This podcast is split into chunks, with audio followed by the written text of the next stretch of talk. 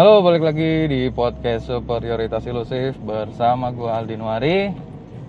Sekarang episode yang gue nggak tahu udah episode keberapa.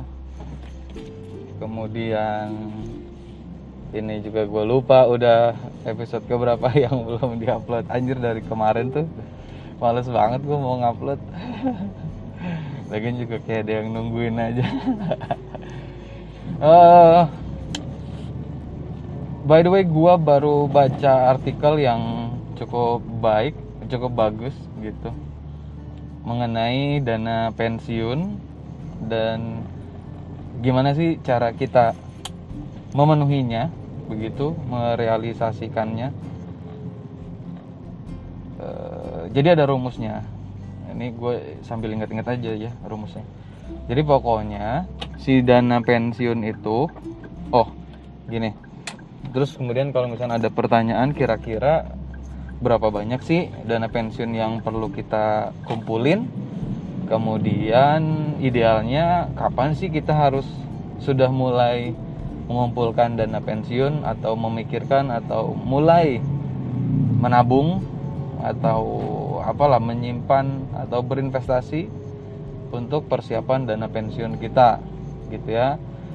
Jawabannya adalah eh, pasti sangat personal. Eh, tergantung kondisi finansial masing-masing gitu. Tapi untuk gambaran yang gue baca ini rumusnya adalah eh, dana pensiun yang harus dikumpulkan oleh kita idealnya adalah 25 kali pengeluaran kita per tahunnya. Artinya, kalau misalkan pengeluaran lo sebanyak 10 juta, kemudian eh berarti total dana pensiun yang harus dikumpulkan adalah 10 dikali 12 karena satu tahun dikali 25. Jadi totalnya adalah berapa tuh? 3 miliar. Gede banget ya? Gila berarti gue harus punya duit 3 miliar nih buat pensiun. Terus kemudian mikirin kan anjir gue buat beli rumah juga belum kepikiran kapan harus bi- eh, kapan bisanya gitu kemudian cicilannya seperti apa kemudian yang lain-lainnya juga gue nggak kepikiran dan sebagainya dan sebagainya.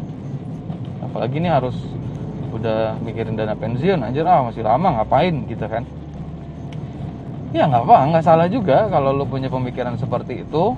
Tapi ya ini gue mau share aja siapa tahu ini bisa juga jadi pengingat buat gue dan mudah-mudahan juga bisa bermanfaat bagi yang dengerinnya gitu.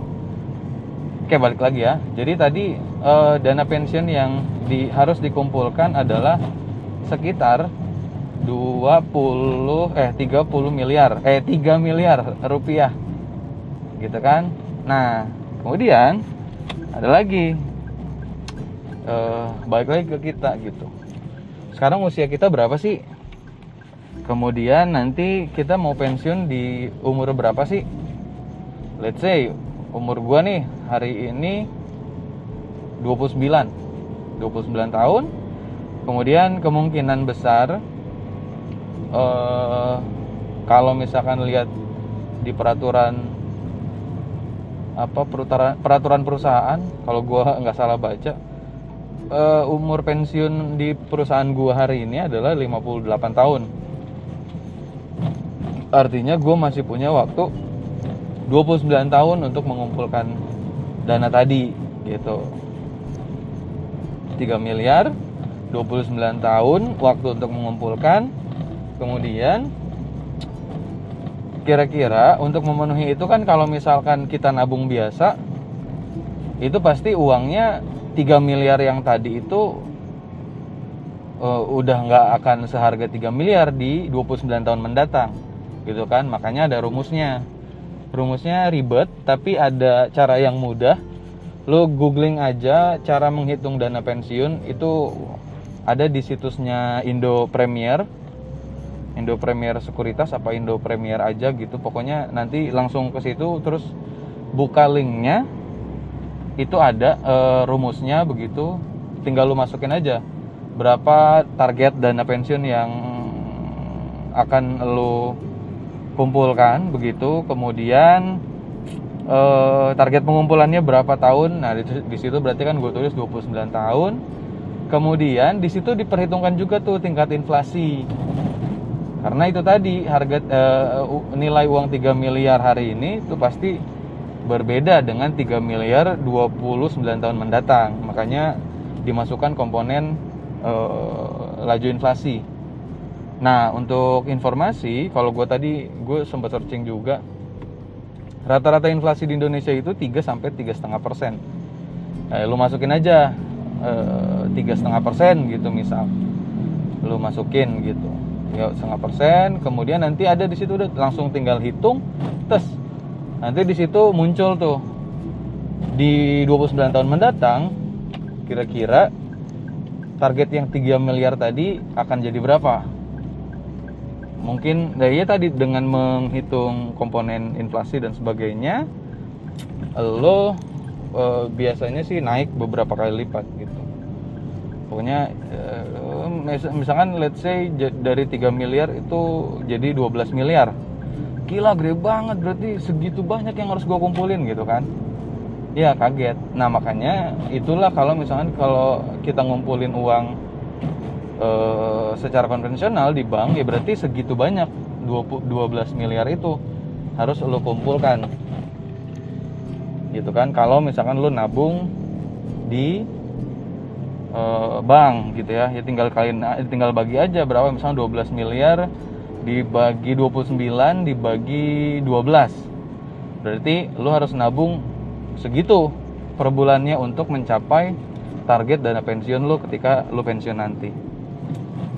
Makanya supaya tidak memberatkan dan juga uangnya nanti akan eh tidak tergerus inflasi eh, value-nya atau nilai uangnya, makanya perlu kita investasikan supaya dengan harapan di saat pensiun nanti eh, apa uh, uangnya akan terpenuhi gitu. Jadi di situ ada rumusnya juga tuh. Lo misalkan masukin dana lo atau tabungin dana lo ke produk atau instrumen investasi dengan return berapa gitu ya. Untuk uh, apa namanya gambaran gitu ya. Investor kawakan seperti Warren Buffett aja itu portofolionya 23% returnnya per tahun. Nah pertanyaannya lu lebih jago dari Warren Buffett apa enggak gitu. Ya bisa aja lebih lu lebih jago bisa enggak ada yang nggak bisa. Tapi ya untuk supaya apa uh, visible gitu bisa di apa memungkinkan untuk dicapai ya targetnya jangan tinggi-tinggi gitu. 23% itu tinggi. E, kemudian ya mungkin lo bisa patokannya kalau misalkan lo nabungnya di deposito berapa sih deposito hari ini? Tuh kecil banget sih menurut gue ya. Kayak mungkin 4 5 atau 4 gue nggak tahu. E, kalau misalkan di saham di IHSG aja itu kalau dirata-ratain kalau kalau 10 tahun ke belakang sih yang dari tahun 2009 sampai 2019 kalau nggak salah ya kalau nggak salah itu uh, return per tahunnya adalah sekitar 30 persenan mungkin gue lupa. Tapi itu fluktuatif ya ada juga ketika tahun 90-an mah ya IHSG mah ancur-ancuran gitu. 2000-an itu mulai meningkat kemudian 2010 ke sini sebenarnya harga kalau secara rata-rata nggak terlalu signifikan naiknya gitu nah ya pokoknya lo cari aja instrumen investasi eh, jangan lupa juga di, di diversifikasi gitu. Misalkan ada yang lo tabunginnya berapa persen ke saham berapa persen ke emas misalkan berapa persen ke surat obligasi kemudian berapa persen ke mana lah pokoknya yang sekiranya bisa eh pokoknya sesuai dengan profil resiko diri lo gitu pokoknya nanti si returnnya itu lo rata-ratain di masing-masing instrumen. Dari emas itu berapa persen kira-kira returnnya per tahun? Kemudian dari saham yang lo beli kira-kira returnnya berapa per tahun? Gitu. Mungkin kalau saham bisa dilihatnya dari return on equity gitu. Walaupun itu nggak bisa jadi jaminan karena semuanya kan juga data historis gitu tinggal dilihat aja perusahaannya apakah growth-nya secara konsisten atau enggak. Kemudian juga lihat prospek bisnisnya ke depan. 29 tahun mendatang tadi kira-kira perusahaan ini masih ada dan bisa menciptakan profit yang masih konsisten atau enggak. Bisnisnya masih relevan atau enggak dengan kebutuhan hari ini sampai ke 29 tahun mendatang dan sebagainya dan sebagainya. Kalau misalkan hasil screeningan lo sesuai ya udah lo boleh tuh nabung di saham tersebut. Tapi ya tetap di kalau misalkan enaknya di saham itu kan lo punya otoritas penuh terhadap duit lo. Jadi lakukan juga secara apa namanya evaluasi secara berkala. Apakah si saham ini kinerjanya masih oke atau enggak? Setelah beberapa waktu begitu kalau misalkan udah keluar dari jalur hitungan lo ya nggak ada masalah untuk lo jual sahamnya pindah ke saham yang secara hitungan masuk ke dalam eh, apa hitungan lo untuk mencapai dana pensiun tadi. Gitu. Kemudian ya pokoknya e, ketika beli saham juga sebaiknya tetap di diversifikasi gitu. Enggak ya kalau untuk long term sih mending di saham defensif kayak di sektor finance consumer goods begitu. Itu dua dua apa dua sektor yang cukup defensif. Begitu pun ketika misalkan terjadi kondisi ekonomi yang kurang baik begitu ya idealnya mungkin ya akan turun koreksi. Tapi e, pada akhirnya mereka akan rebound lagi ke harga wajarnya. Begitu. Pokoknya kalau di saham defensif dan lu pakai teknik e, dollar cost averaging atau lu nabung secara rutin dengan jumlah yang sama setiap periodenya itu sih akan sedikit meminimalisir resiko yang ada gitu. Jadi didiversifikasi aja. Misalkan ya udah bolehlah lu cuman megang di dua sektor aja nih sektor finance sama sektor uh, consumer goods gitu. Walaupun nggak tahu ya karena gue masuk dan pelajarin juga masalah kripto dan DeFi. Gue nggak tahu 29 tahun mendatang bisnis eh, centralized finance kayak bank seperti itu akan masih relevan atau enggak? Ya itu dia tadi harus dilakukan evaluasi secara berkala begitu. Tapi kalau untuk hari ini masih oke okay untuk sektor finance dan consumer goods karena ya orang-orang masih nyimpan uangnya di bank hari ini untuk Indonesia begitu. Kemudian uh, ya orang-orang masih masih perlu makan masih perlu mandi tiap hari walaupun krisis kan gitu ya udah lo cari aja saham-saham yang memang relevan dan masih sangat dibutuhkan oleh masyarakat di Indonesia gitu khususnya. Kemudian itu kan nanti ada return on equity-nya tuh masing-masing. Kalau porsi lo 50-50 ya tinggal bagi dua aja. Misalkan yang satu return on equity-nya 20%, yang satu return on equity-nya 10%. Ya berarti return lo di saham itu 15% e, perkiraannya gitu kan. 15% kemudian kalau misalkan ternyata uang lo ada di emas kira-kira lo lihat aja data historical return emas per bulan itu eh per tahun itu berapa nanti tinggal dibagi dua tuh. Nah kira-kira berapa return dari seluruh portofolio lo? Nah itu dimasukkan ke rumus yang tadi. Nanti akan muncul kira-kira pada 29 tahun mendatang berapa sih dana investasi eh dana pensiun yang harus gue kumpulkan? Misalkan tadi yang dari 3 miliar jadi 12 miliar misalkan. Kemudian dengan eh, return investasi lo tiap tahunnya berapa di situ dimasukkan nanti akan keluar angka berapa kira-kira yang harus lo sisihkan untuk investasi ke produk-produk yang udah lo pilih tadi per bulannya dan itu tetap harus konsisten dijalankan sampai 29 tahun mendatang Iya, mungkin bukan hal yang mudah, tapi juga bukan hal yang tidak mungkin gitu. Ya karena Roma dibangun nggak dalam satu hari gitu ya. Ya kalau lo nggak merencanakan itu, ya Hiroshima dan Nagasaki lo, lo lantak dalam satu hari saja.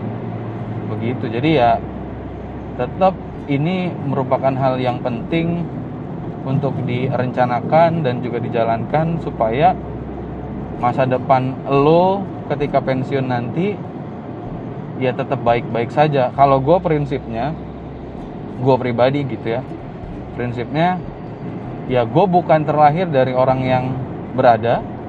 Bahkan gue pernah ada di titik di bawah garis kemiskinan begitu. Jadi eh, tujuan gue cita-cita gue mimpi gue adalah ketika gue pensiun nanti walaupun masih 29 tahun lagi gitu ya. Walaupun nggak tahu umur gue sampai sana atau enggak tapi gue pengen gitu ya.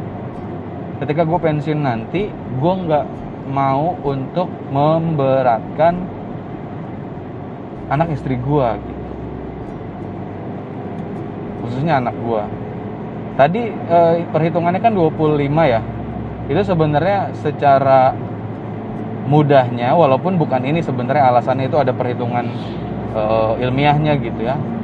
Tapi uh, mudahnya adalah supaya 25 tahun setelah lo pensiun lo masih bisa membiayai diri lo dengan dana pensiun yang udah lo kumpulkan.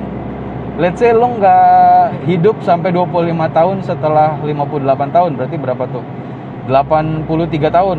Lo meninggal di umur 60-an atau 70-an. Berarti kan masih ada sisa uangnya dong. Nah, itu kan bisa jadi warisan buat anak istri lo gitu. Iya kan? Iya, tujuannya adalah untuk tidak memberatkan e, keluarga lo dan malah tetap bisa jadi orang yang bermanfaat. Siapa tahu, siapa tahu apa yang udah lo kumpulin tadi bisa jadi amal jariah karena masih bisa dimanfaatkan sama anak istri lo atau keluarga lo gitu jadi ketika misalkan itu sudah terpenuhi baru tuh tinggal lo memberikan wasiat yang baik buat keluarga lo, buat anak-anak lo dan sebagainya dan sebagainya. Mungkin kadang ada orang tua yang ketika menehas, menasehati anaknya ketika di umur-umur senja begitu gak didengarkan karena nggak punya power tadi ya walaupun balik lagi ke anaknya anaknya ini kurang ngajar atau enggak gitu. Tapi kan kadang itu perlu juga gitu. Untuk jadi power e, kita ketika tua nanti. Supaya kita masih bisa didengarkan oleh anak-anak kita gitu. Ya kalau misalkan kitanya malah jadi beban buat mereka ya pasti kan penerimaan mereka juga akan berbeda begitu. Ya walaupun masih lama nggak ada salahnya juga dipikirin dari sekarang gitu.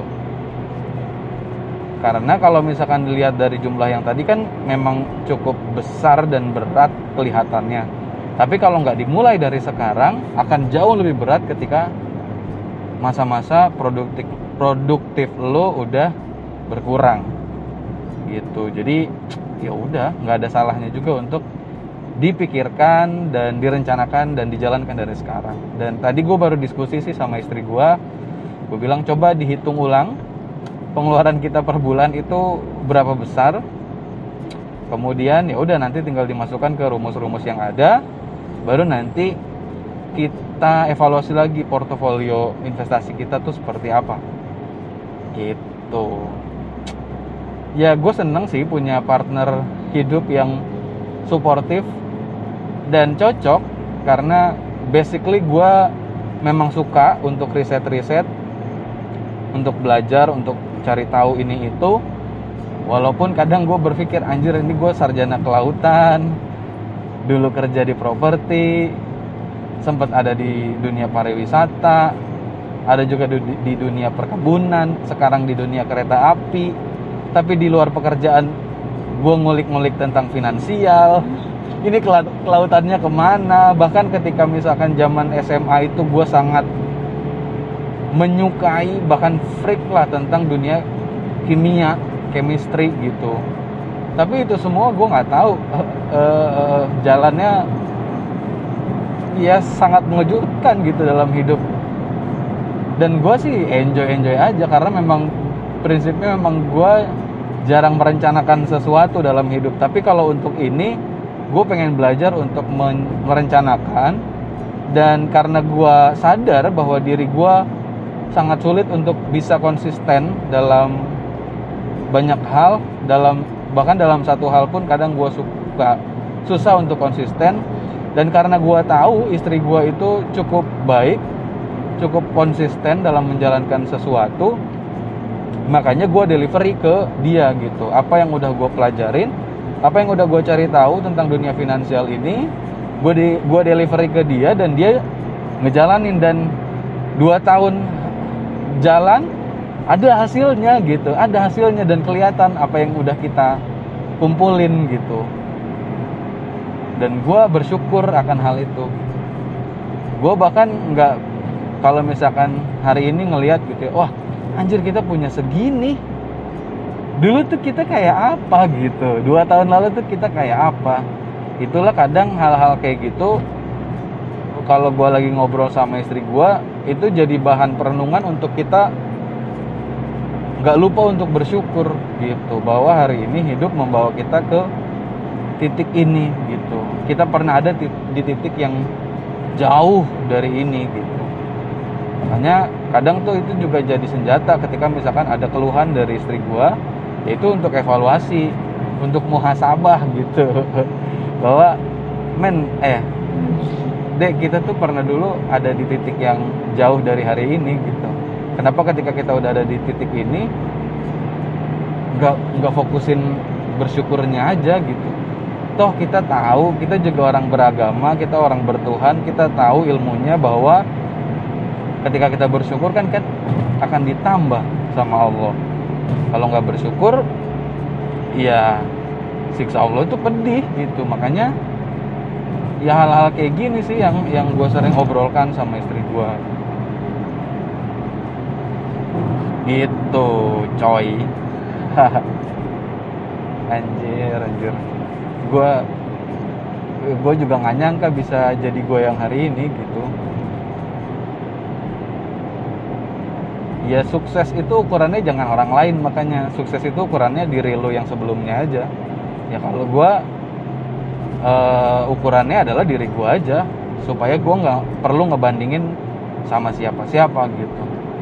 Kalau ngebandingin sama siapa-siapa tuh bisa bikin kotor hati gitu ketika mungkin pencapaian kita lebih eh kurang dari orang lain maka kita jadi akan kecewa gitu. Kalau misalkan ternyata pencapaian kita lebih dari orang lain maka jatuhnya nanti mungkin akan jadi sombong. Tapi kalau misalkan ukurannya adalah diri sendiri mudah-mudahan ketika pun ada penurunan dari diri lo yang dulu itu dijadikan pecut untuk jadi lebih baik. Tapi ketika it, e, pencapaiannya jauh lebih besar dari diri lo yang dulu ya itu jadi sarana untuk bersyukur gitu kalau gua. Jadi ya udah. Ya Mm, basically memang gue nggak peduli sih sama orang lain jadi ya udah. Ukurannya ya gue aja gitu. Gue dulu tuh kayak apa hari ini kayak apa. Yang jelek-jelek tadi ya itu tadi dijadiin sarana untuk evaluasi diri yang bagus-bagus dijadiin sarana untuk bersyukur as simple as that gitu.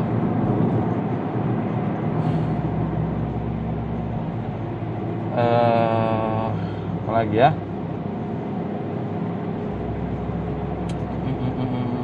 Udah sih itu aja lah.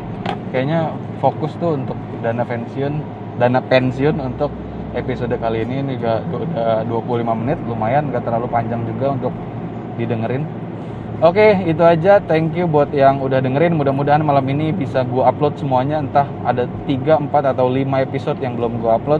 Tapi mudah-mudahan malam ini bisa gue upload semuanya. Thank you, bye-bye. Sehat selalu.